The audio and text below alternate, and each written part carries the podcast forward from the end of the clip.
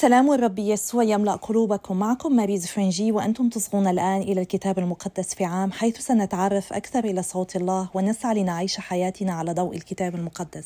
لقد وصلنا إلى اليوم الرابع والثلاثون وسنقرأ اليوم فصلا مهما من سفر الخروج الفصل الثاني عشر الذي يستحق الكثير من اهتمامنا وانتباهنا. وسنقرأ أيضا الفصل التاسع من سفر الأحبار والمزمور المئة والرابع عشر. سفر الخروج الفصل الثاني عشر. الفصح. وكلم الرب موسى وهارون في أرض مصر قائلا هذا الشهر يكون لكم رأس الشهور وهو لكم أول شهور السنة. كلما جماعة إسرائيل كلها ومراهم أن يتخذوا لهم في العاشر من هذا الشهر كل واحد حملا بحسب بيوت الآباء لكل بيت حملا. فإن كان أهل البيت أقل من أن ياكلوا حملا فلياخذوه هم وجارهم القريب من منزلهم بحسب عدد النفوس فيكون الحمل بحسب ما يأكل كل واحد. حمل تام ذكر حولي يكون لكم من الضأن أو الماعز تأخذونه ويبقى محفوظا عندكم إلى اليوم الرابع عشر من هذا الشهر فيطبخه كل جمهور جماعة إسرائيل بين الغروبين ويأخذون من دمه ويجعلونه على قائمتي الباب وعارضته على البيوت التي يأكلونه فيها ويأكلون لحمه في تلك الليلة مشويا على النار بأرغفة فطير مع أعشاب مرة يأكلونه. ولا تاكل شيئا منه نيئا ولا مسلوقا بالماء بل مشويا على نار مع رأسه وأكارعه وجوفه ولا تبق شيئا منه إلى الصباح فإن بقي شيء منه إلى الصباح فأحرقوه بالنار وهكذا تأكلونه تكون أحقاؤكم مشدودة ونعالكم في أرجلكم وعصيكم في أيديكم وتأكلونه على عجل فإنه فصح للرب. وأنا أجتاز في أرض مصر في تلك الليلة وأضرب كل بكر في أرض مصر من الناس إلى البهائم وبجميع آلهة المصريين أنفذ أحكاما أنا الرب فيكون الدم لكم علامة على البيوت التي أنتم فيها فأرى الدم وأعبر من فوقكم ولا تحل بكم ضربة مهلكة إذا ضربت أرض مصر. ويكون هذا اليوم لكم ذكرى فتعيدونه عيدا للرب تعيدونه مدى أجيالكم فريضة أبدية. عيد الفطير. سبعة أيام تأكلون فطيرا. في اليوم الأول ترفعون الخمير من منازلكم فإن كل من أكل خبزا خميرا من اليوم الأول إلى اليوم السابع تفصل تلك النفس من إسرائيل ويكون لكم في اليوم الأول محفل مقدس وفي اليوم السابع محفل مقدس. لا يعمل فيهما عمل بل ما تأكله كل نفس هو وحده يصنع لكم. وتحفظون عيد الفطير لاني في هذا اليوم عينه أخرجت جيوشكم من أرض مصر. وتحفظون هذا اليوم مدى أجيالكم فريضة أبدية. في الشهر الأول في اليوم الرابع عشر منه في المساء تأكلون فطيرا إلى اليوم الحادي والعشرين من الشهر في المساء. سبعة أيام لا يوجد خمير في بيوتكم فإن كل من أكل خميرا تفصل تلك النفس من جماعة إسرائيل. نزيلا كان أم من أبناء البلد. لا تأكلون شيئا من المختمر بل في جميع مساكنكم تأكلون فطيرا. أحكام في الفصح.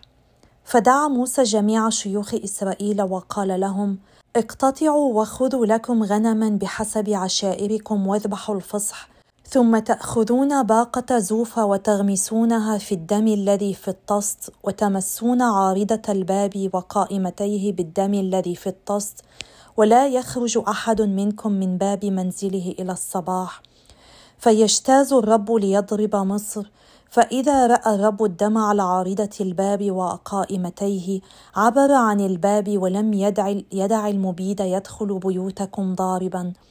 وتحفظون هذا الأمر فريضة لكم ولبنيكم للأبد. وإذا دخلتم الأرض التي يعطيكم الرب إياها كما قال تحفظون هذه العبادة. وإذا قال لكم بنوكم ما هذه العبادة في نظركم؟ تقولون هي ذبيحة الفصح للرب الذي عبر من فوق بيوت بني إسرائيل بمصر حين ضرب مصر وأنقذ بيوتنا. فانحنى الشعب ساجدا وذهب بنو إسرائيل ففعلوا كما أمر الرب موسى وهارون بحسب ذلك فعلوا. الضربه العاشره موت أبكار المصريين.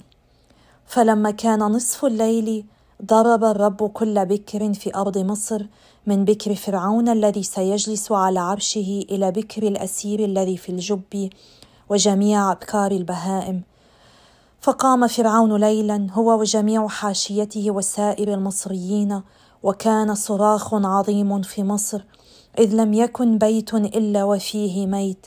فدعا فرعون موسى وهارون ليلا وقال قما فاخرجا من بين شعبي انتما وبنو اسرائيل واذهبوا واعبدوا الرب كما قلتم وغنمكم أيضا وبقركم خذوها كما قلتم واذهبوا وباركوني أيضا والح المصريون على الشعب ليعجلوا اطلاقهم من الأرض لانهم كانوا يقولون سنموت باجمعنا فحمل الشعب عجينهم قبل ان يختمر فكانت معاجينهم مشدوده في ثيابهم على مناكبهم سلب المصريين.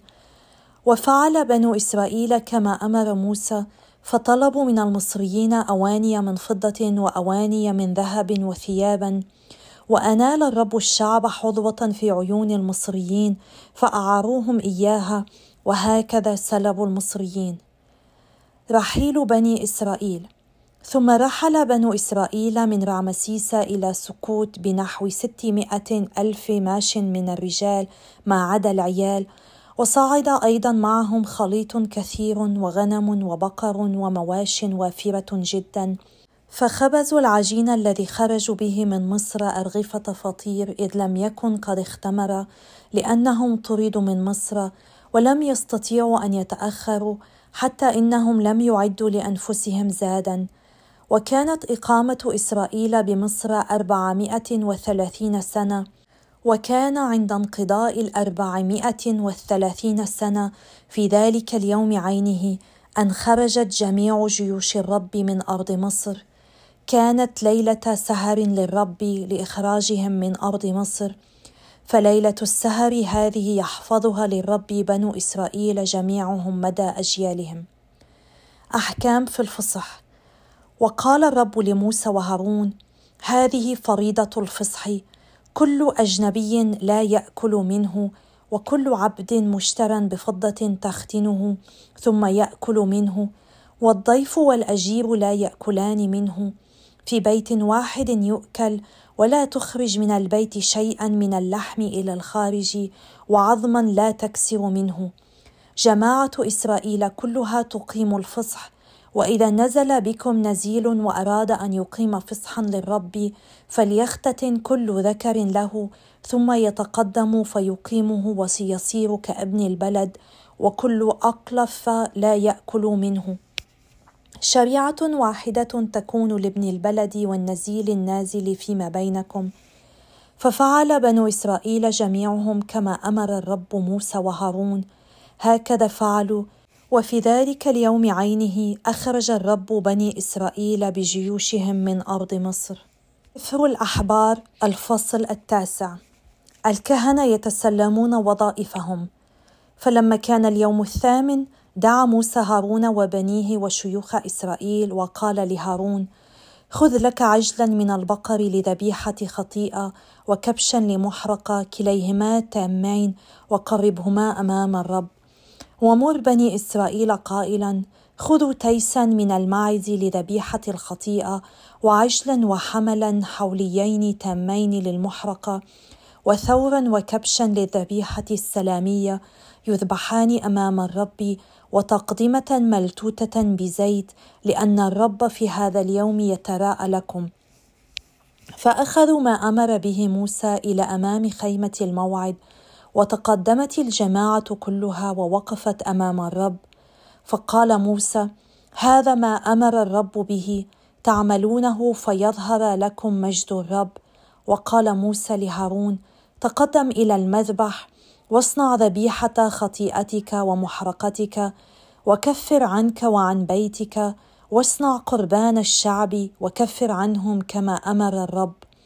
فتقدم هارون إلى المذبح وذبح عجل خطيئته وقدم إليه بنو هارون الدم فغمس إصبعه فيه وجعل منه على قرون المذبح وصب الدم عند أساس المذبح.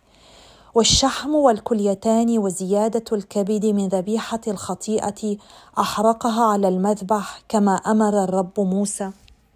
واللحم والجلد أحرقهما بالنار خارج المخيم. ثم ذبح هارون المحرق وناوله بنوه الدم فرشه على المذبح من حوله ثم ناولوه المحرق بقطعها مع الرأس فأحرق ذلك على المذبح وغسل الأمعاء والأكارع فوق المحرقة على المذبح ثم قدم قربان الشعب فأخذ تيس خطيئة الشعب فذبحه وصنعه ذبيحة خطيئة كالأول. ثم قدم المحرقة وصنعها على حسب الفريضة ثم قدم التقدمه وملأ راحته منها وأحرق ذلك على المذبح ما عدا محرقة الصباح. وذبح الثور والكبش ذبيحة سلامية للشعب وناول هارون بنوه الدم فرشه على المذبح من حوله. وأما شحوم التور والكبش أي الألية وما يغطي الأمعاء والكليتان وزيادة الكبد فجعلها على المذبح والصدران والفخذ اليمنى حركها هارون تحريكا أمام الرب كما أمر موسى. ثم رفع هارون يديه نحو الشعب وباركهم ونزل بعد تقريب ذبيحة الخطيئة والمحرقة والذبيحة السلامية ودخل موسى وهارون خيمة الموعد وخرجا وباركا الشعب فظهر مجد الرب على الشعب كله. وخرجت نار من أمام الرب فأكلت المحرقة والشحوم التي على المذبح. فرأى الشعب كله وهتف وسقط على وجهه. المزمور المئة والرابع عشر. عند خروج إسرائيل من مصر وبيت يعقوب من شعب أعجمي صار يهوذا مقدسه وإسرائيل سلطنته. البحر رأى فهرب الأردن إلى الوراء رجع الجبال وثبت كالكباش والتلال كالحملان. ما لك يا بحر تهرب ويا أردن إلى الوراء ترجع ويا جبال تثبين كالكباش ويا تلال كالحملان. ابتعدي يا أرض من وجه السيد من وجه إله يعقوب الذي يحول الصخر إلى غدران والصوان إلى عيون ماء. أيها الآب السماوي إننا نشكرك ونحمدك. نشكرك شكرا جزيلا على كلمتك على كل ما كشفته لنا عن حياتنا في عهدك مع شعب إسرائيل. أنت يا رب دائما ابدا أمين لعهدك. لقد أتممت عهدك العهد الذي ختمته بحمل الفصح. لقد فعلت ذلك في العهد الجديد والعهد الأبدي بدم حمل الله الحقيقي بدم الذي رفع خطايا العالم. ابنك ربنا يسوع المسيح. إني أتوسل إليك يا أبانا أن تغطيني بدم ابنك يسوع. تغطي كل ما لي وكل ما أوكلتني عليه عائلتي وكل شخص يصغي إلى هذه التسجيلات. اسكب علينا دمك الثمين أيها الرب يسوع فيقوينا ويحررنا ويقدسنا ويحمينا ويشفينا. آمين. هناك الكثير في الفصل الثاني عشر من سفر الخروج وبالطبع هناك أشياء مؤلمة. إنه من الصعب جدا تقبل فكرة موت الأبناء البكر. نحن نعلم أن موسى أنذر فرعون بأن الرب سيخرج نحو نصف الليل في وسط مصر فيموت كل بكر في أرض مصر من بكر فرعون إلى بكر الجارية التي خلف الراحة. إنه من الصعب جدا تقبل مقتل كل بكر في مصر. من المهم جدا أن نعي أننا نحن لسنا نقرأ الكتاب المقدس. قصة قصة إنما نقرأه كاملا. نرى كيف أن ما حصل سابقا قد أنذر بحصول ما يحصل الآن وما يحصل الآن يشير إلى شيء في المستقبل. تذكروا في بداية سفر الخروج في أول فصل أمر فرعون بطرح كل الصبيان العبرانيين في النهر. يعني أن فرعون لم يأمر بقتل أبكار العبرانيين فقط إنما قتلهم جميعا. قد يبدو أن ما فعله هو غير عادل وقد تبدو الضربة العاشرة بأنها غير عادلة. ولكن الحقيقة أن الله ليس غير عادل. إن الله هو محبة وهو رحمة وهو عدالة. وعلينا أن ننظر إلى هذه الضربة في سياق أمر فرعون بقتل أبكار بني إسرائيل. وعلينا أن نتذكر أيضا أن الله قد حذر فرعون من أن هذا سيحدث إذا لم يحرر شعبه. لذلك لا يمكننا القول بأن هذا ليس عادلا أبدا. إن الله عادل. هو قد أعطى فرعون كل فرصة ليتوب. الله حقا عادل مئة بالمئة. قد تقتنع بذلك أو لا ولكن تذكر في سفر التكوين الفصل الثاني عشر عندما أخبر الله إبراهيم بأنه سيهلك صدوم وعمورة بسبب خطاياهم. وتشفع إبراهيم من أجل أهل المدينة وأجابه الرب أنه لا يهلكها من أجل العشرة. هذا دليل على رحمته الفائقة. وهنا في سفر الخروج قد رأينا كيف أن المصريين بأجمعهم تعاونوا من أجل استعباد العبرانيين وقتل أطفالهم. هناك نقطة مهمة في هذا الفصل يجب التركيز عليها وهي ذبيحة الحمل. لقد سمعنا أول مرة بذبيحة الحمل في الفصل الرابع من سفر التكوين حينما قدم هابيل الذبيحة إلى الله وفي الفصل الثاني والعشرون حين دبر الله حملا ليضحي إبراهيم به بدلا من إسحاق ابنه على جبل موريا. في كلتا الحالتين مات حمل بدلا عن الإنسان. واليوم قد رأينا أن العبرانيين قدموا حملا ذبيحة. الذبيحة معناها أن دما بريئا قد سفك. ولكي ينجو إسرائيل من ضربة الموت كان يلزم ذبح حمل بلا عيب ورش دمه على العتبة العليا والقائمتين لباب كل بيت. كان الحمل ذبيحة بديلا عن الشخص الذي كان مفروضا أن يموت. لقد مات كل ابن بكر من المصريين ولكن ولكن أبناء الإسرائيليين نجوا جميعا. لقد خلصوا لأن دم الحمل قد رش على قوائم أبوابهم. وهكذا بدأت قصة الفداء وهو الموضوع المحوري في الكتاب المقدس. في هذه القصة ذبح الحمل بديلا عن حياة الإسرائيليين وكانت حياته هي الثمن الذي دفع عقابا عن الخطيئة. في العهد القديم كان تقديم الحيوانات ذبائح هو الوسيلة التي رسمها الله لغفران خطية الإنسان، فكان كل فرد يقدم حيوانا ثمينا ذبيحة ليبين أنه لا بد من دفع عقوبة الخطيئة. وفي العهد الجديد تمم يسوع عمل الفداء نهائيا بتقديم حياته ذبيحة على الصليب لأجل خطايانا. وهكذا لم تعد للذبائح الحيوانية ضرورية فقد كان هو البديل وكان دمه هو الدم الثمين الذي دفع عقابا عن خطايانا. من هنا نفهم لماذا يوحنا المعمدان قال ها هو ذا حمل الله ولماذا مربولس سماه بحمل الفصح؟ إن الرب يسوع هو حقا حمل الله الذي حمل خطايا العالم. يسوع وحده هو الذي استطاع أن يفدي كل الناس من العبودية للخطيئه لأنه وحده عاش حياة كاملة من كل وجه. هو كان الحمل بلا عيب بلا خطيئة. ووحده له الحق في أن يطلقنا من الحكم الذي كان علينا ألا وهو الموت بسبب خطيئتنا. ولكن كيف يمكن لهذه الذبيحة أن تحررنا؟ كما قرأنا اليوم إن الإسرائيليين لم يتمكنوا من المشاركة في ذبيحة الفصح إذا ما دخلوا في العهد مع الله. لقد طلب أو أمر الله بأن يختتن كل غريب قبل أن يقدر أن يشارك في هذه الذبيحة.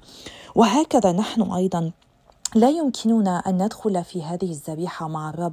أن نقبل القربان المقدس إذا لم ندخل في العهد الجديد من خلال المعمودية. بما أن الله قد أمر باختتان كل عبد مشترى قبل أن يشارك في الذبيحة الإلهية فلا بد أن الحمل قد أحضر إلى البيت بضعة أيام قبل الذبيحة. على الأرجح حصل هذا في أول الأسبوع مثلما دخل الرب يسوع إلى أورشليم في أحد الشعانين وتمت ذبيحة الحمل لاحقا في الأسبوع في يوم الجمعة. كما حصل يوم الجمعة العظيمة. بما أن الحمل كان يقضي بضعة أيام مع العائلة التي تعتني به للحفاظ عليه خاليا من كل عيب من المرجح أن صار للحمل قيمة مهمة عند العائلة. وعندما اضطرت العائلة أن تضحي بهذا الحمل كانت هذه حقا تضحية ثمينة تعني الكثير للعائلة. هذا يجب أن يستدعينا للتمعن بعدة نقاط. اولا هل نحن نجهز أنفسنا لهذه الذبيحة كما جهز أنفسهم الغير عبرانيون بالاختتان قبل أن تتم ذبيحة الفصح الأول؟ هل نذهب لسر الاعتراف لننقي قلوبنا لنعترف بخطايانا ونتوب عنها؟ ثانيا عندما نشارك في ذبيحة القداس هل نعترف بعطية الرب لنا شخصيا؟ هل نعي أن الله يأتي إلينا شخصيا ويعطينا ذاته هدية ثمينة تضحية غالية باهظة الثمن لا يمكننا أن نفي سعرها ابدا؟ ثالثا إذا كنا نعي أن الله حقا ثمين لنا أن الرب يسوع عزيز على قلبنا هل نقدم له أغلى ما عندنا؟ فلنبدأ بوقتنا. هل نعطيه الوقت الذي يستحقه؟ أو هل نتذمر عندما نرى أن الأقمشة التي تستعمل على المذبح والأواني في القداس هي باهظة الثمن ونحن نرتدي أجمل الثياب ونلبس أغلى السيارات؟ ولكن عندما يأتي الأمر للرب نريد أن نقدم له الأقل قيمة. ربما نحن نتقدم من الله عارفين أن له قيمة ثمينة جدا ولكن في قلوبنا ليس هناك من قيمه نحن نقوم بما نفعله وكأنه أمر اعتيادي. نسينا معنى وأهمية هذه الذبيحة التي هي تحررنا من عبودية الخطيئة وتعطينا املا في الحياة الأبدية معه. نعم لقد خلصت بواسطة حمل الله.